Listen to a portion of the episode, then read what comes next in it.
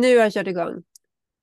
Välkommen Då till dagens är avsnitt. vi här igen och den här gången hade du och jag bestämt att vi skulle prata om hur barnböcker eller hur, hur kommer det sig att man eh, gör en bok? Och det är inte en jättekonstig fråga, för du har ju gett ut två böcker och en av dem har jag gett ut tillsammans med dig där vi är medförfattare. Eh, och du har ju illustrerat båda böckerna. Men eh, jag läste en eh, Eh, undersökning som just visade det att eh, människor som har bucket list, alltså saker man vill göra i livet som man sätter upp som mål och sådär. Eh, en av de målen som man har är ofta att man någon gång vill skriva en bok. Det är många människors drömmar. Många har ju också drömmar om att resa bort långt och, och kanske starta ett företag eller eh, jobba med något helt annat än det de gör. Men många har också en dröm om att skriva en bok. Och eh, du har ju skrivit två böcker och jag har ju skrivit en bok tillsammans med dig. Eh, så vi har ju uppfyllt den där drömmen, men eh, det är ju inte att bara göra för att eh, det är många som skriver böcker och ger ut själva, precis som vi har gjort också. Men eh, det är ju en resa att göra det, att gå från idé, eh, som du gör, måla bilderna till böckerna och sen också skriva dem. Så vi tänkte vi skulle gå igenom lite grann idag hur det här går till och liksom försöka ge några tips också till de som verkligen går och drömmer där ute om att skriva en bok. Eh, för att eh, jag tror att det vi vill visa på också är att det egentligen inte är så svårt, även om den där tröskeln kan kännas lite långt borta när man sitter där med sin idé och kanske några författade sidor på en idé. Liksom, hur får man ihop det där hela alltet? Eh, så ska väl vi försöka visa på några förslag på hur man kan komma vidare. Eller hur Maria? Ja, precis, precis. Nej, men jag tycker det är, det är verkligen spännande och eh, min coach som jag träffar nu, hon frågade mig också för, att, för jag kände lite så här att jag identifierade mig extremt mycket med de böckerna jag skrivit. För det, på något sätt, så här, även om historien inte handlar om mig själv, så är det ändå så här självutlämnande att skriva någonting som någon sen, man vill att den ska läsa och uppleva utifrån den boken. Och då, då så sa han att man måste separera vem man själv är mot det man på något sätt har skapat. För annars blir det för tufft liksom om man eh, identifierar sig med den produkten man har skapat. Och då frågade hon, varför skrev du den boken du skrev? Bara som en allmän fråga, precis som du ställer nu. Och, och, jag, jag, tror också precis som du säger. Jag har haft en dröm sedan jag var liten. Att eh, illustrera böcker. Jag har gillat det här med att berätta historier. Och du har ju egentligen jobbat mer med liksom, berättandet ända sedan du var liten. Du gjorde ju så böcker till vår mormor när vi var små, kommer jag ihåg. Ja, jag, jag, ritade faktiskt i dem också då, men eh, jag skrev framför allt jättemycket så noveller och kortberättelser och så om allt möjligt.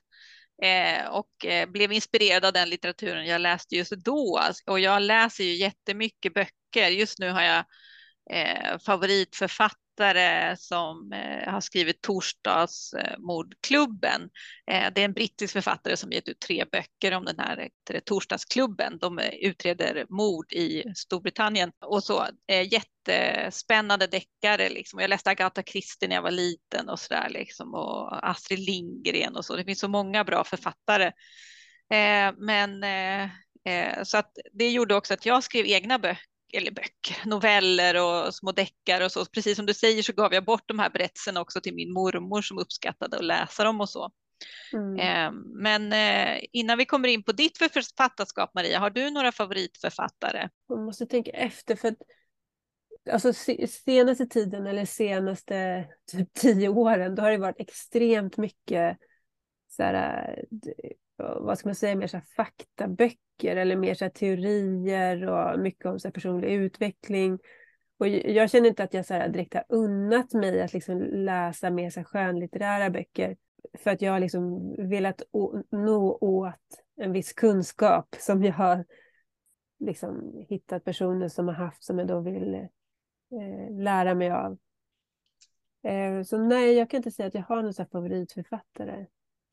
Nej, men, men jag tänker... Det ja, beskriver... när man var liten, typ Astrid Lindgren, typ, det är ju verkligen så starkt. Ja, hon, är så, hon var så himla duktiga på fantasier, eller alltså sånt som är helt verkligen presentera sagor på så bra sätt. Jag tänker på Körsbärsdalen och det är väl Bröderna Lejonhjärta om jag inte blandar ihop det här nu och Eh, Pippi Långstrump såklart och de andra böckerna hon har skrivit. Ehm, att hon eh, och jag tänker det är det jag eh, gjorde med de här brittiska deckarförfattarna också som jag läser just nu. Jag är inne i en sån eh, trend igen eh, där jag vill läsa om sådana och det tror jag är just att man, eh, eh det är lite att det just är sådana spektakulära historier som inte känns som att de kan ske i verkligheten och att det är lite ro, eh, intressant att läsa om det som är väldigt fantasifullt. Ehm, och eh, men, men jag har också haft, precis som du beskriver, sådana här perioder där jag velat läsa mer om eh, olika fakta och lära mig mer om olika saker som du är inne på med kunskap och så. Och då är det svårare att hitta kanske de här favoritförfattarna för det är så många olika man vill hela tiden närma sig. Men jag tänkte på det din coach sa om att distansera sig, att eh, skapandet är, inte, är, inte är du, boken är inte du, men du har ju skapat boken, så någonting i boken är ju från dig. Eh, och de böckerna du har skrivit, eh, är, det någon, är de självupplevda eller är de helt fantasi? Jo, när du frågade om som favoritförfattare så tänkte jag på man läser den boken i skolan med Mina drömmars död, För den eh, blev jag väldigt fascinerad över. För i den boken, när man beskriver den här familjen som är extremt fattiga och hur de har det tillsammans. Och de hade så extremt mycket kärlek i den familjen. Fast det var, allting var väldigt tufft runt omkring i Mina drömmars stad. Och då, det jag tycker är så fascinerande just med böcker, det är just att det kan tillåta dig att uppleva någonting som du kanske själv inte upplevt. Du kan få, det, det liksom tar med dig på en resa med någonting som du kanske inte hade kunnat få vara med på om inte du hade läst det i en bok. Och jag tänkte det som hände dig och mig när till exempel du åkte upp till Grövelsjön och började eh, ta med din, dina barn dit och liksom introducera dem till liksom eh, fjällvärlden. Och då var du på en familjevecka och du ringde ju mig varje dag och var helt exalterad över saker som hade hänt. Och då började vi prata om, men gud, vi borde verkligen skriva ner och göra en bok av de här grejerna. Och sen var det ju några år efter som vi åkte upp varje år återvände. Och ännu mer saker hände. Och ibland var det våra saker, ibland var det andra saker som adderades och lades ihop till den här historien. Så det, det, är liksom, och då var det ju, jag kände i varje fall, vi skrev det tillsammans, men att det handlade om att få andra att ta del av någonting som vi, eller liksom som man, man liksom ska kunna introducera dem till att uppleva någonting fast de inte hade gjort det än. Och då var det mycket om till exempel kanske att tälta, eh, som familj tälta med sina barn första gången fast man kanske aldrig har gjort det. Liksom att man ändå tar sig förbi det här eh, som man kanske kan tycka är läskigt eller man har inte provat det men man skulle ändå vilja veta vad som skulle kunna hända om man skulle ha gjort det. Och då kan man få göra det i en bok. Och sen kanske förhoppningsvis då känna ett sånt sug att man vill prova det på riktigt. Men vad tänker du, Helena? Eh, jo, nej, men eh, jag var ju med på den första boken, Lille och Milos äventyr på fjället och vi ville ju verkligen beskriva liksom en ensam mamma som ger sig ut på fjället utan jättestora erfarenheter och är med om så här lite spännande upplevelser tillsammans med barnen som kanske inte är så här jätteintresserade egentligen av vandring på fjället. Men vi hade ju väldigt fina upplevelser på fjället så vi vill verkligen visa liksom att det är en underbar upplevelse att vara där ute och att det inte är svårt. För att jag tror, i alla fall innan jag började vandra med barnen så kändes det svårt och jag hade inte jättemycket erfarenhet av vandring och att vara ute på fjället så på egen hand. Så det var jättebra den kursen jag gick upp i Grövelsjön tillsammans med barnen, liksom, på hur man ska ta tillvara sig på fjället och så. Ehm, men och sen inspirerades du också till att göra det tillsammans med dina barn och din familj. Ehm, och det, jag tyckte det var så spännande att få göra det levande i boken. Liksom så, så några saker är ju upplevda och några är ju påhittade. Ehm, men det är roligt med den blandningen också, men man kan inspireras av verkligheten till att skriva de här lite mer fantasifulla skildringarna också. Ehm, men du har ju skrivit en till bok också. Vad handlar den om? Ja, det är ju den eh, boken som heter Nilja och det handlar om den här tjejen Nilja som är ute på sin sin mormors landställe. Och där kommer hon i, kontakt med, som jag beskriver som skatter. Och det är liksom historier som finns bland alla de här sakerna som eh, finns i det här huset. Och den historien eh, kom ju till en sommarmorgon efter att eh, många saker hade hänt just i det här sommartorpet. Och eh, jag tror också, som jag på något sätt så kan jag känna en längtan för mina barns skull till det vi hade, till exempel med vår mormor, att eh, ha en väldigt fin kontakt och en eh, väldigt fin närvaro. Och jag har tänkt på det sen jag själv fått barn, att det inte alls är lika vanligt att folk har en fin kontakt med sina mor och farföräldrar. Det är inte helt självklart och det är inte helt självklart att de vill ha kontakt med sina barn, barn heller. Eller kanske inte finner sig naturligt. Sen kanske det är liksom beroende på vilken ålder eh, eller hur liksom hälsan är. Eller... Men jag ville på något sätt... Eh, för du som förälder har en kontakt med din, dina föräldrar. Men det betyder inte att ditt barn har samma kontakt. Den kan ha bättre kontakt eller sämre kontakt. Och det jag ville liksom locka till i den här boken är att det här barnet och den här morföräldern eller farföräldern kunde få sin egen kontakt med varandra. Att hitta någonting gemensamt, någonting som liksom öppnar upp till den här som kan vara en helt fantastisk vänskap. Bara man tillåter sig att liksom lära känna varandra. Och det blev då med de här äh, sakerna som det upptäcktes att det fanns massa historier bakom som ingen visste som kommer fram i den här berättelsen. Så det är lite, liksom en liten kombination av påhitt och liksom vissa sanna saker som är med. Och den här boken som du skrev senast, den är ju väldigt så här bra eh, just eh, mellan generationer så ju att den eh, den äldre generationen och, och barnbarnen skulle kunna läsa tillsammans. Så den passar ju väldigt bra liksom just för att man kanske kommer på saker då man kan prata om också utifrån den här boken liksom och visa upp saker eh, som man kanske är jättegamla som man har och så i sitt hem och man kan visa upp för sitt barnbarn. Så den, den, den inspirerar ju verkligen till sådana dialoger tror jag över generationsgränserna. Jo, men jag tycker det är lite kul för jag har fått lite respons på några som har läst den och de har ju helt plötsligt kommit på saker alltså, som de har minnen av som har hänt dem själva. Och det känns lite roligt att liksom det är saker som så väcks till liv igen. Ja, men det är roligt.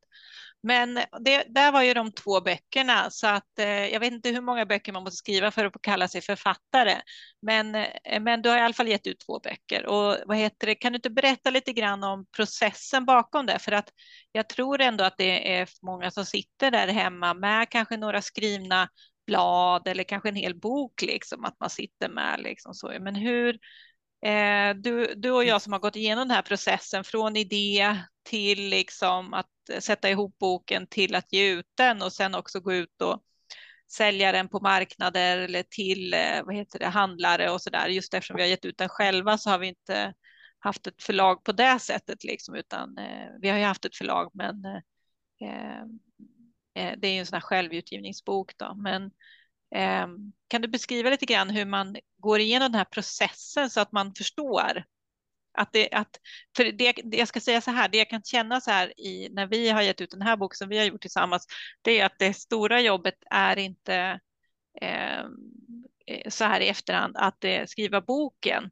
Det var ju, den, den liksom gick relativt lätt för vi hade så mycket idéer och eh, uppslag på vad vi ville ha med, så vi hade ju så mycket material liksom så, så att det var ju snarare att vi fick börja skära i det för att det skulle liksom vara i, ett bättre format liksom för en bok. Liksom så ju. Jo, men jag tänker så, så här, nu kommer jag inte ihåg riktigt tidsmässigt för våran bok, men den sista boken eh, loggade jag lite bättre.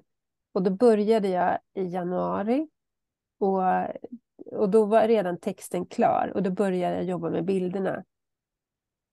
Och började jobba tillsammans med mm, en språkvetare som hjälpte mig med eh, själva både dramaturgin i boken och eh, liksom själva liksom, uppbyggnaden av språket.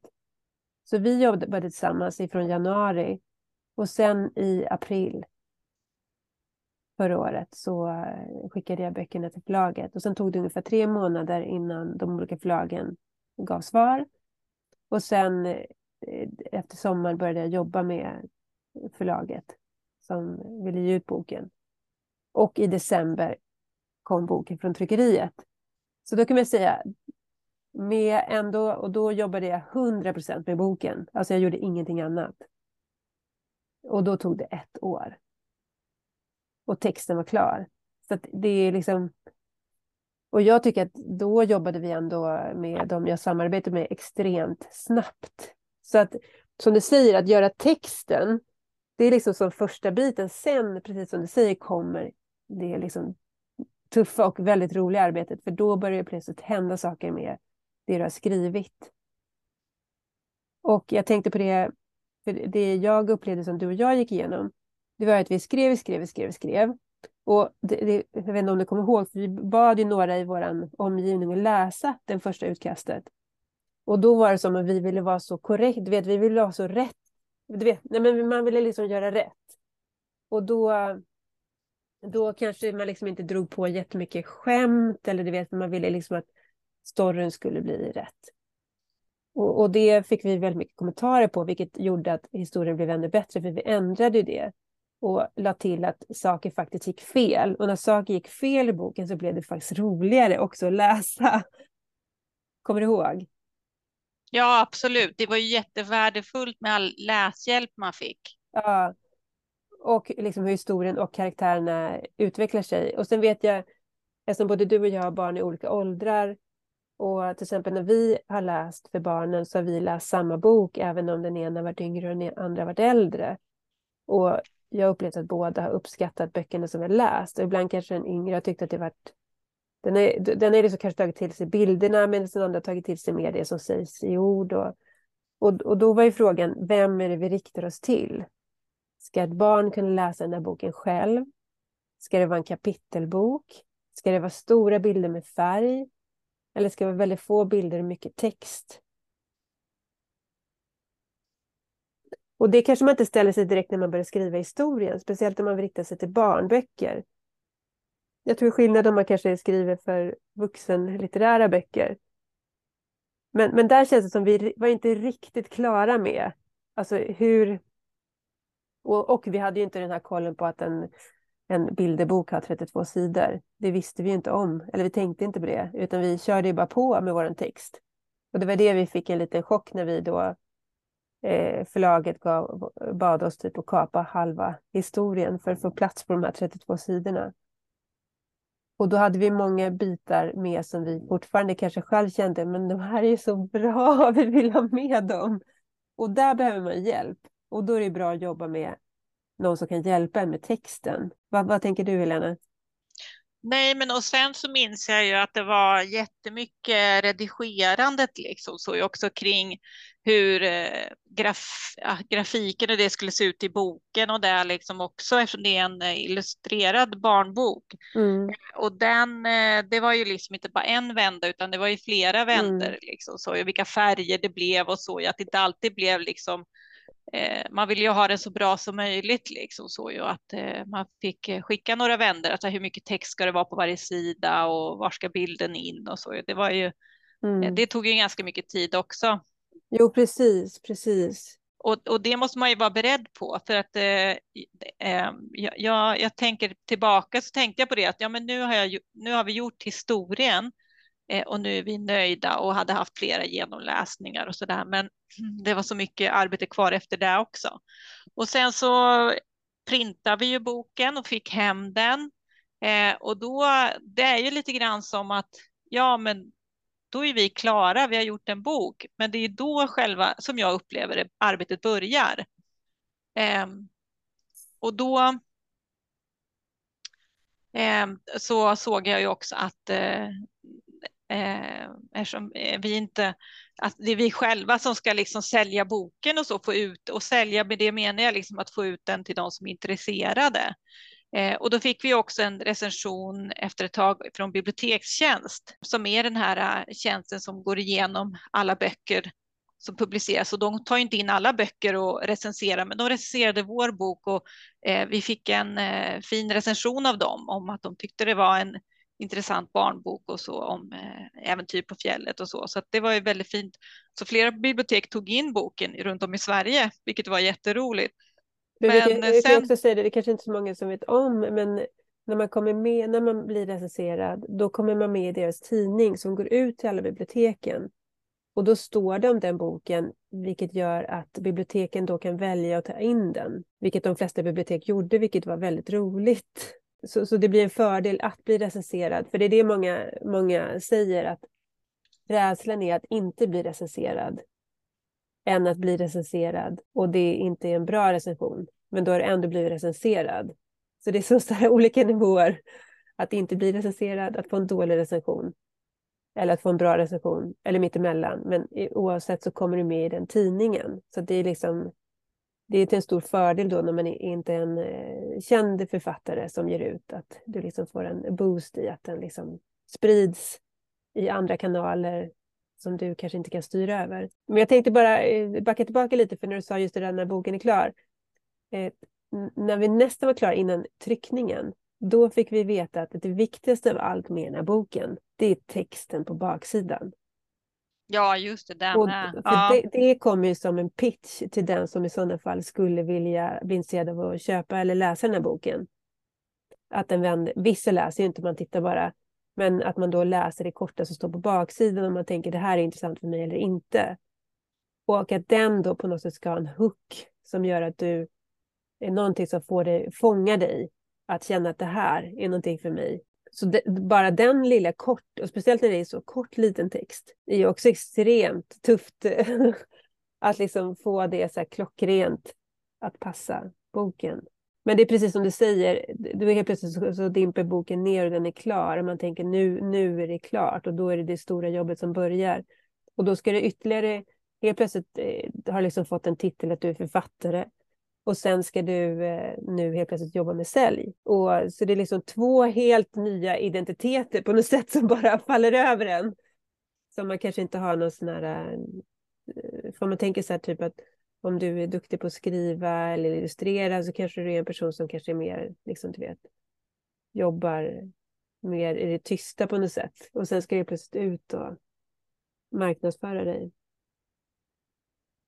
Utan någon direkt eh, liksom, kunskap eller ja, hur, man ska göra det. Ja, men det är mycket lärdomar. Jag, jag, hoppas att vi kan visa på några eh, av, inte fallgropar, men som eh, den här resan vi gjorde, liksom, det är verkligen en, en snirklig bana att ta sig fram på. Eh, ja. Vad, vad, tyckte du var svårast under den här perioden när vi eh, skrev och ritade eller målade bilderna och tog fram idén och eh, sen ska sälja boken eller få ut den till bibliotek och till hand, eh, bokförlag, eller bokaffärer och sådär. Vad tycker du var, vad har varit svårast under det här?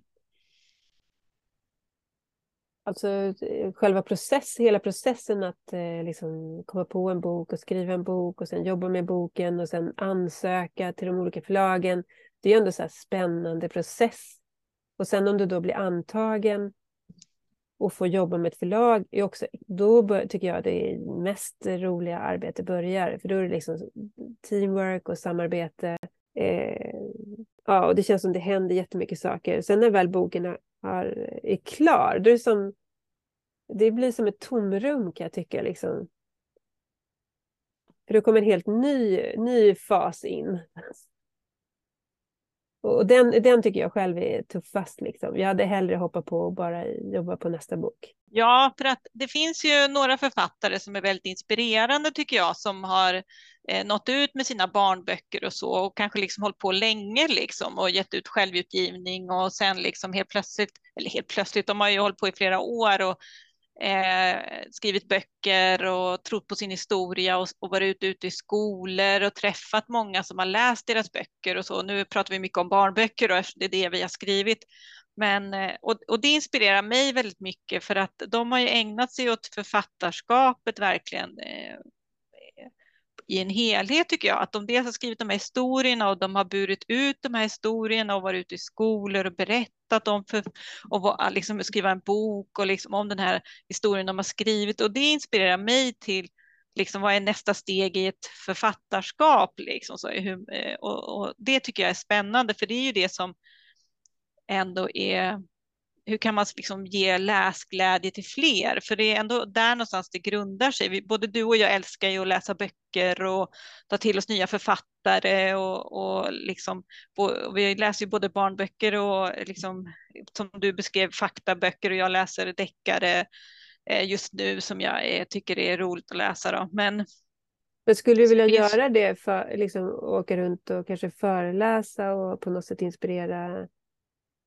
andra skap eller hur, hur känner du? Ja, men det, det, jag tycker de är inspirerande så jag skulle kunna tänka mig det att göra det framöver att man på något sätt, hur kan jag inspirera andra? Jag vet inte om just det är i skolor eller liksom ja. på det sättet, men på någonting sätt, hur kan man ge andra liksom den här lusten och glädjen till mm. både böcker och eh, att skriva egna böcker liksom så. För att även om jag liksom har försökt föra fram liksom vad jag tyckte var tuffast liksom under den här perioden att, att göra böckerna så var, var bland det roligaste var just att skriva, att liksom komma med de mm. olika idéerna och de här lite fantasierna liksom så som man får förverkliga i ett ord.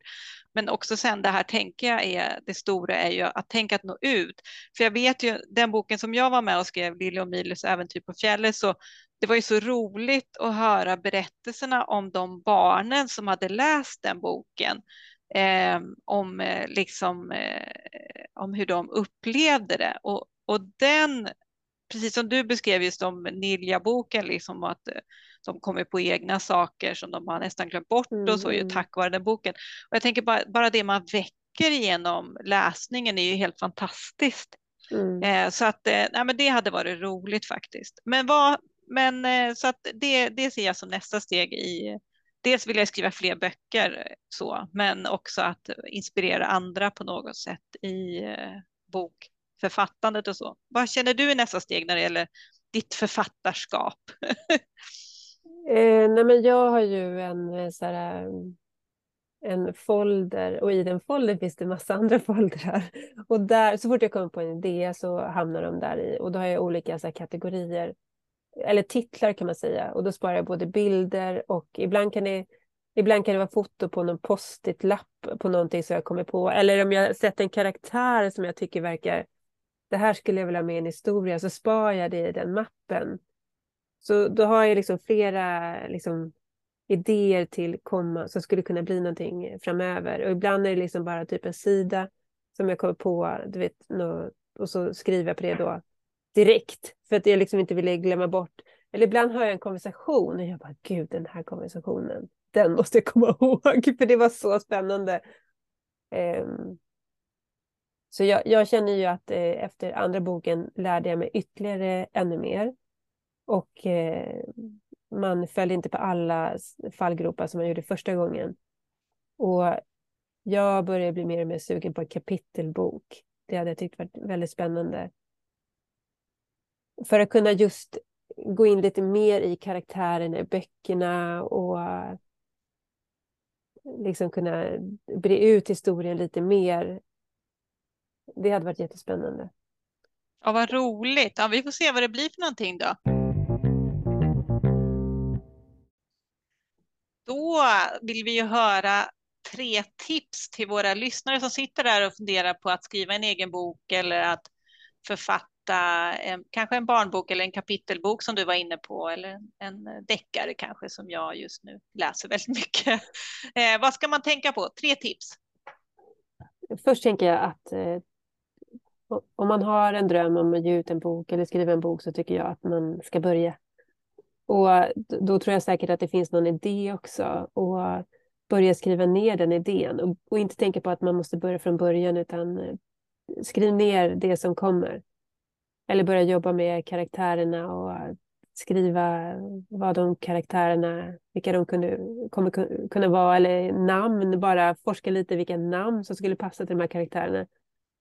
Men sen tänker jag också något som du eh, har gjort också, Helena, att gå en skrivarkurs. Eller att man i varje fall eh, kanske har någon i sin familj eller någon vän eller några vänner som man kanske kan fråga, är det okej okay om jag skickar mitt manus till dig? Så att man har någon att bolla med. Eh, för det kan också hjälpa en att komma framåt i historien. Så att man inte är helt ensam. Vad skulle du ge för tips, Helena? Nej, men det är att, eh, att eh, precis, jag tycker det var jättebra tips det du gav, men att börja, att skriva Eh, och sen låta någon annan läsa tror jag är bra också för att få andra ögon på det. För när man sitter själv och läser det så är man ju så inne i historien så man ser liksom inte Eh, där historien inte håller ihop och så, och kanske dialogen inte för fram och så. Så jag tror att det är bra att ta hjälp. Och sen det du var inne på också, det här med teamwork, det är ju himla roligt att göra någonting tillsammans. Att utbyta idéer och komma fram med en historia tillsammans. En medförfattare är inte dumt heller om man har den möjligheten. Men sen eh, tror jag också att vara modig att eh, skicka ut den här till förlag och se liksom, är det möjligt? Ehm, det tror jag också är bra liksom, att försöka. Men bra tips annars. Bara göra. Precis, bara göra som jag men, bara göra. Men en sak jag har lärt mig på alla skrivarkurser jag har gått, det är ju också att man måste skriva lite varje dag och hålla i. Det är verkligen mm. uthållighetsarbete. Eh, man kan inte skylla på att man kanske jobbar heltid eller att man har fullt upp, liksom. för den här boken skriver sig inte själv, utan man måste verkligen, vill man så måste man verkligen avsätta lite tid varje dag. Det är verkligen så. Eller vad säger du? Nej, men jag håller med. Jag håller med. Det är med allting. Man tänker att man vill ha, ta så stora steg när man väl sätter sig. Och typ som sådär, nej men nu jag ska hyra en gård. Eller du vet, jag ska hyra en lägenhet. Och, eller ta in på ett hotellrum och så ska jag bara köra järnet liksom. Eh, och det kanske går när man har typ en deadline. Eller, men eh, jag tror att man får så stora prestationsångest. Att man ska helt plötsligt kunna leverera så himla mycket. Så jag tror också på det där att det dagliga. De pratar ju någonting om sådär, don't don't break the chain. Att om man liksom, typ på något sätt man ritar en så här kedjeögla och så varje dag fortsätter man att rita en ny. Och om du då skulle missa en, då blir det liksom en lucka på den kedjan. Så då, då, då, då liksom ska du fortsätta att hålla i den och inte bryta kedjan. Jag tycker den är ganska bra, att varje dag liksom göra ett kryss ja, eller vad som i kalendern. Ja uthålligheten där. Och ja, även om det, det kanske bara blir två ord en dag. Eller det kanske bara blir att man tar bort en mening en dag. Men att man varje dag är där. Mm. Det är bra. Ut och Kul. skriv! Ja, precis. Ut och skriv! Vi vill Nej, höra era berättelser. Om. Ja, ja, precis, precis. Mer böcker åt folket. ja, precis. Det är bra. Gött. Bra du Maria. Ja, Tack för idag. Hörs. Tack. Hej. Hej.